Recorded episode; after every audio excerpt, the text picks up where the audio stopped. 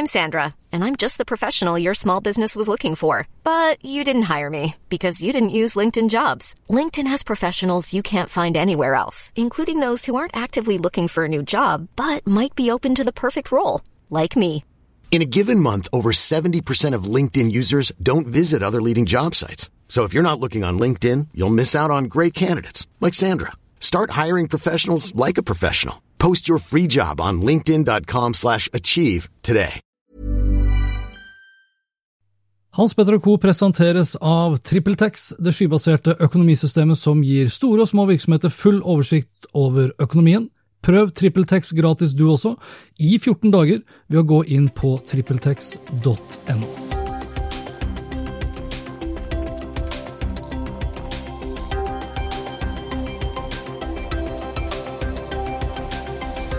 I denne episoden her så får du annet høre om disse sakene. Google kopierer Apple, bare i motsatt rekkefølge. Delinger av nyheter fra Aftenposten i sosiale medier falt med nesten 50% på en måned. Eldre mannfolk står for veksten i bruk av sosiale medier, og jeg lurer på om ikke Aftenposten bryter markedsføringsloven med forklart annonsørinnhold. Velkommen til Hans Petter og co. Jeg heter Hans Petter, og denne episoden ble spilt inn onsdag 6. november. Lenker til alt jeg har snakket om og øvrige innslag finner du selvsagt på hanspetter.info. Jeg nevnte i episode 64 at jeg skulle ta opp Google og deres ambient computing-strategi, men at jeg ikke fikk tid og plass fordi jeg måtte snakke om internett som fylte 50 år i forrige uke, hvis vi da regner inn ARPANET-tiden. Begrepet ambient computing dukket opp for første gang, iallfall for min del, da Google holdt sitt Made by Google 19-event i midten av oktober. Og La oss høre litt fra eventet, og da Rick Osterlo beskrev hva Google mente med nettopp ambient computing. You heard me talk about this idea with Baratunde that helpful computing can be all around you. Ambient computing. Your devices work together with services and AI, so help is anywhere you want it, and it's fluid. The technology just fades into the background when you don't need it. So the devices aren't the center of the system, you are. That's our vision for ambient computing. Så hva betyr det her i praksis? Altså I Google sitt tilfelle så betyr det at Google nå er i ferd med å utvikle et økosystem som også involverer deres egen hardware. På samme måte som Apple har bygd et økosystem rundt sine hardwareprodukter og utvidet dem med programvare og tjenester, så er nå Google i ferd med å gjøre det samme, men da i motsatt rekkefølge. For at din og min opplevelse med Google sine tjenester skal fungere optimalt, ambient altså, så vil du da i økende grad fremover bli nødt til å gå for Google sine hardware-produkter. Alt fra Airbuds, Pixel-telefoner, Chromebooks og Nest-enheter. Og nå også for så vidt da deres Fitbit-produkter, som Google, eller mer riktig Alphabet, bladde opp 2,1 milliarder dollar for, og det for bare noen få dager siden. Som Google også uttalte det da under samme event, vi er i ferd med å endre oss fra å være et selskap som hjelper deg å finne svar på dine spørsmål, til å hjelpe deg med å få ting unnagjort. Vi vil at produktene våre skal jobbe hardere for deg på jobben din, i hjemmet ditt og i livet ditt. Og for at Google skal kunne hjelpe deg å få ting gjort, så må du ikke bare laste ned appen og bruke deg av tjenesten til Google, men du må også da kjøpe produktene deres. For hvis du ikke går for Googles fulle økosystem, så vil du heller ikke få gjort like mye, like smart og like raskt. Da vil du ikke kunne oppleve ambient computing. Altså den følelsen av at produktene aktivt bidrar til å skape en sømløs opplevelse, uavhengig av hva du gjør, hvor du befinner deg og hvilke Google-produkter du interagerer med. Og sentralt i denne strategien, eller visjonen hvis du vil, så står da Google Assistant. So think about how this vision plays out in the home, where ambient technology can make life so much easier. When you wake up in the morning, your home knows what you need to start your day. You can get your commute, find out when your first meeting starts, maybe play some music on whatever speaker or screen is nearby. And when you leave your house, your lights, thermostat, door locks, security cameras, they all just know what to do. Og som sagt, nøkkelen for å få det her til, det er da hardware-produktene fra Google. Nøkkelen er med andre ord å overlate alt til Google, og da mener jeg alt. Om litt så skal du få høre mer om at det er de eldste mannfolka som skaper vekst i sosiale medier, og at forklart annonsørinnhold muligens bryter med markedsføringsloven, men først det her. Jeg tror det er stor sannsynlighet for at du som hører på vil få behov for Check-in, et norsk påmeldingssystem som hjelper deg å bruke mindre tid på administrasjonen av ditt seminar eller konferanse, og mer tid på å skape det beste arrangementet. Check-in automatiserer mange av de administrative oppgavene og frigjør derfor tid, og nettopp derfor har virksomheter som Oslo Business Forum, Dagens Næringsliv, Netlife Design og Kreativt Forum fått en bedre hverdag etter at de valgte Check-in. Sjekk ut Check-in nå på checkin.no slash Hans Petter.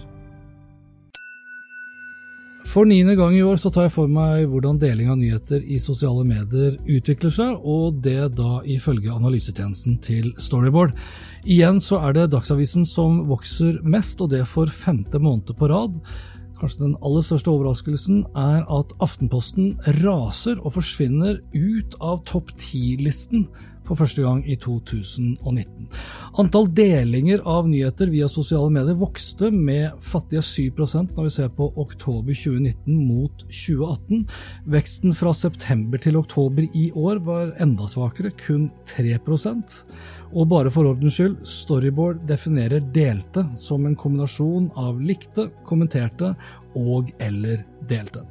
Den største nyheten, som jeg sa, må sies å være at eh, Aftenposten for første gang i 2019 faller utenfor topp 10-listen, og det skyldes ikke at de andre har vokst kraftig, men at Aftenposten har rast fra september til oktober, men også da fra oktober 2019 mot 2018.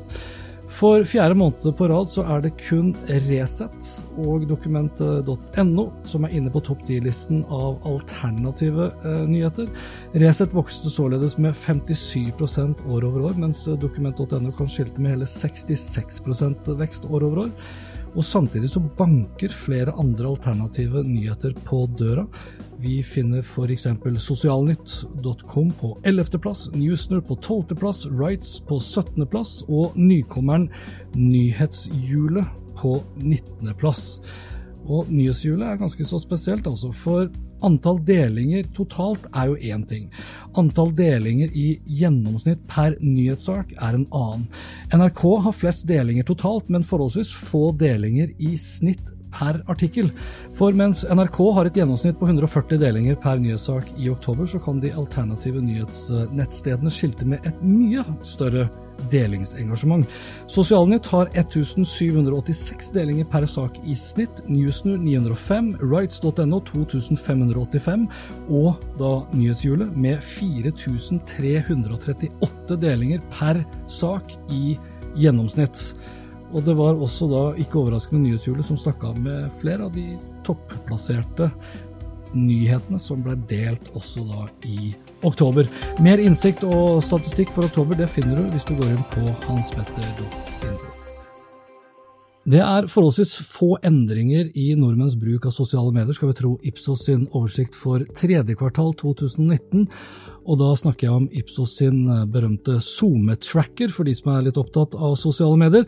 Andelen unge som har en Facebook-profil fortsetter å falle jevnt og trutt, mens eldre menn drar veldig mye av veksten.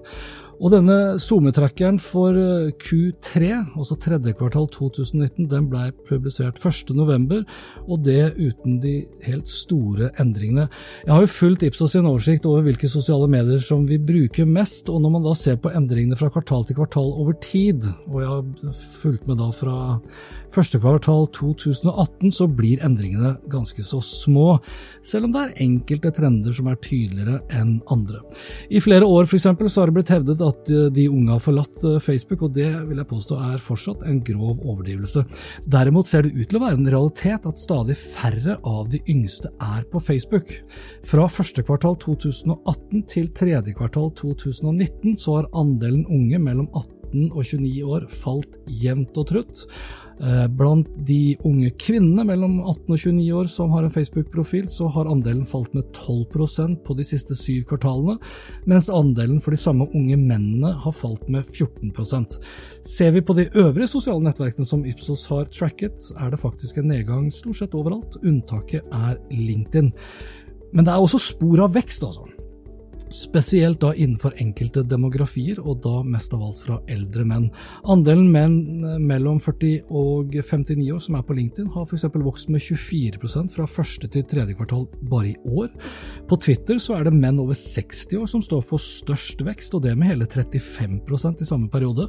På Snapchat så er veksten like stor for menn i aldersgruppen 30 til 39 og de over 60 år, og da med 7% vekst. Og på Instagram så er det også menn over 60 år som står for den største veksten, med 22% fra første kvartal til tredje kvartal 2019. Størst nedgang på Instagram er det for så vidt også mannfolka som står for, de litt yngre, de mellom 40 og 59 år, og der er nedgangen på 8 men selv om det er de eldre mannfolkene som står for veksten, og at det blir stadig færre yngre på Facebook, så er det ingenting som sagt som tyder på at Facebook har blitt et gamlismedium, slik kampanje skrev januar i år. Det er ingenting som tyder på at de unge har forlatt Facebook, slik Aftenpostens Joakim Lund også hevdet i januar. Det er færre unge i dag som bruker Facebook enn for ett år siden, men ikke så veldig mange færre. Fortsatt så har nesten ni av ti kvinner mellom 18 og 29 år en Facebook-profil. For de unge mennene er andelen åtte av ti og åtte av ti er fortsatt innom Facebook daglig, og det gjør jo at Facebook fortsatt er en svært viktig plattform for alle som ønsker å nå også da den yngre målgruppen, selv om de også er stadig innom andre sosiale nettverk, og da kanskje mest av alt Snapchat og Instagram, som for så vidt også er eid av Facebook. Mer innsikt og statistikk finner du selvsagt på hanspetter.info.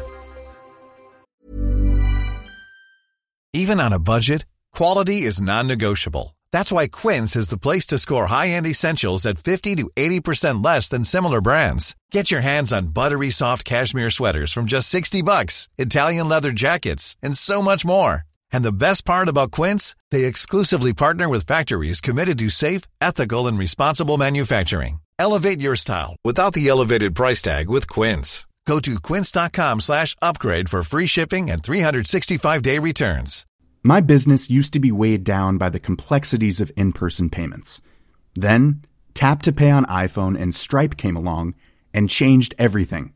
With Tap to Pay on iPhone and Stripe, I streamlined my payment process effortlessly. Now I can accept in person, contactless payments right from my iPhone. No extra hardware required. What's truly remarkable is how I can cater to all of my customers' payment preferences. Whether they're using cards, Apple Pay, or other digital wallets, Tap to Pay on iPhone and Stripe ensure a smooth checkout experience every time. And it's not just me. Stripe helps businesses of all sizes, from local markets to global retailers, scale quickly and stay agile. To learn how Tap to Pay on iPhone and Stripe can help grow your revenue and reach, visit stripe.com/tapiphone. Det her er annonsørinnhold fra Equinor og ikke en vanlig episode av Forklart. Redaksjonen har ikke deltatt i produksjonen av innholdet. Jeg har ikke gjort meg helt ferdig med Aftenposten forklart, og da forklart annonsørinnhold. Som forventet så har da den omstridte podkasten, og det pga. annonseepisodene som er levert av Schibsted Brand Studio og Equinor, blitt klaget inn til pressens faglige utvalg, og det er det Medie24 som skriver 5.11. Diskusjonen rundt forklart, og da spesielt forklart annonsørinnhold, har på mange måter handlet om tillit vår tillit til produktet forklart. Men det har også handlet om merkingen av annonsørinnholdet har vært tilstrekkelig. Forbrukertilsynet skriver til meg i en e-post at de ikke har gjort en vurdering av om Aftenposten forklart annonsørinnhold oppfyller kravene til identifisering av reklame, eh, og viser således til en nylig publisert veileder om reklame i podkast, og legger til at Skipsted også har mottatt denne. Av det jeg kan lese ut av Forbrukertilsynets veileder, så er merkingen tydelig og god, og innafor, og det er heller ikke derfor jeg tar frem forklart annonsørinnhold på nytt. Derimot lurer jeg på om ikke hele serien bryter med markedsføringsloven, og det av helt andre årsaker. I markedsføringsloven paragraf 15 så kan vi lese at det er forbudt uten mottakerens forutgående samtykke å rette markedsføringshenvendelser til fysiske personer ved elektroniske kommunikasjonsmetoder som tillater individuell kommunikasjon. Dette kjenner vi til når det f.eks. kommer til e-post og SMS. Hvis jeg velger å legge igjen min e-postadresse for å motta nyhetsbrev, så krever det at jeg aktivt samtykker. Og det aktive samtykket kan ikke brukes til noe annet uten at jeg blir spurt om det eller velger det selv. Når det kommer til Aftenpostens Forklart-podkast, så har jeg aktivt valgt å abonnere på podkasten. En redaksjonell podkastserie som da dukker opp med nye episoder fra mandag til fredag. Det gjøres ikke via SMS eller e-post, men via en såkalt RSS-feed. RSS er en forkortelse for Really Simple Syndication og blir også omtalt som levende bokmerker eller nyhetsmating. RSS er således en ordning der man får levert nyheter eller annet materiale fra internett, inkludert en podkast, fortløpende og automatisk. La oss gå tilbake igjen til paragraf 15 i markedsføringsloven, og da spesielt de siste ordene tillater individuell kommunikasjon. Det vil jeg våge å påstå at RSS faktisk gjør, og dermed faller loven om aktivt samtykke inn. Aftenposten Forklart har valgt, uten ditt og mitt samtykke, å levere meg noe mer enn det jeg valgte å abonnere på, og det i form av en 100% annonsefinansiert episode som ikke kommer fra Aftenposten, men fra Equinor. Det kan sammenlignes med at du f.eks. abonnerer på et nyhetsbrev fra Aftenposten, og så velger Aftenposten å selge e-postadressen min videre til Equinor, slik at de kan begynne å sende meg reklame. Det er et klart brudd på markedsføringslovens paragraf 15. I lovteksten så står det annet at markedsføringen kan bare gjelde den næringsdrivende egne varer, tjenester eller andre ytelser tilsvarende dem som kundeforholdet bygger på. I Aftenposten forklart sitt tilfelle så vil jeg mene at Aftenposten er innafor mandag til fredag, selv med reklamespotter i de enkelte episodene. Men er Aftenposten innafor på lørdagene når RSS-feeden blir brukt til å sende annonsørinnhold fra Equinor? Det spurte jeg også Forbrukertilsynet om, og i en e-post til meg så svarer de følgende. Når det gjelder spørsmålet om å sende ut innhold som inneholder markedsføring via RSS-feed, så har vi ikke noen tidligere praksis hvor vi har vurdert dette, men umiddelbart vil jeg si at det samme regimet som gjelder for e-post og SMS, også gjelder for utsendelse via RSS-feed. Det er ganske klart og tydelig signal. Altså. Jeg synes fortsatt det er viktig og helt riktig av Aftenposten, Skipsted og andre medier å eksperimentere med nye annonseformater og annonseprodukter. Jeg synes fortsatt Aftenposten Forklart er en av Norges beste redaksjonelle podkastserier, og jeg synes også Forklart annonsørinnhold fra Equinor holder et høyt faglig og saklig kvalitetsnivå. Men det er mye som kan tyde på at måten Skipsted og Aftenposten har gjort det her på, det bryter med markedsføringsloven, og bryter det med markedsføringsloven, så bryter det muligens også med personvernforordningen. Da bryter det altså med GDPR. Jeg påstår det ikke, men det er veldig mye som tyder på at det her er Aftenposten på litt tynn is. Og dette var det for denne gang. Likte du det du hørte og vil forsikre deg om at du får med deg de neste episodene, da kan du annet abonnere på Hans Petter Co. på Apple Podkaster. Ellers er podkasten også tilgjengelig på Spotify, Acast, Google Podcast, Overcast og TuneIn Radio. Inntil neste gang, vær nysgjerrig, for det er den beste måten å møte vår digitale fremtid på. Hans Petter Co. presenteres av TrippelTex, det skybaserte økonomisystemet som gir store og små virksomheter full oversikt over økonomien. Prøv TrippelTex gratis du også, i 14 dager, ved å gå inn på trippeltex.no. Why don't more infant formula companies use organic, grass-fed whole milk instead of skim? Why don't more infant formula companies use the latest breast milk science? Why don't more infant formula companies run their own clinical trials? Why don't more infant formula companies use more of the proteins found in breast milk? Why don't more infant formula companies have their own factories instead of outsourcing their manufacturing? We wondered the same thing. So we made ByHeart, a better formula for formula. Learn more at byheart.com.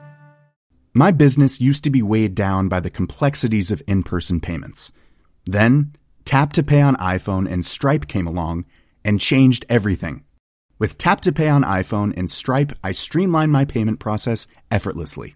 Now I can accept in person, contactless payments right from my iPhone.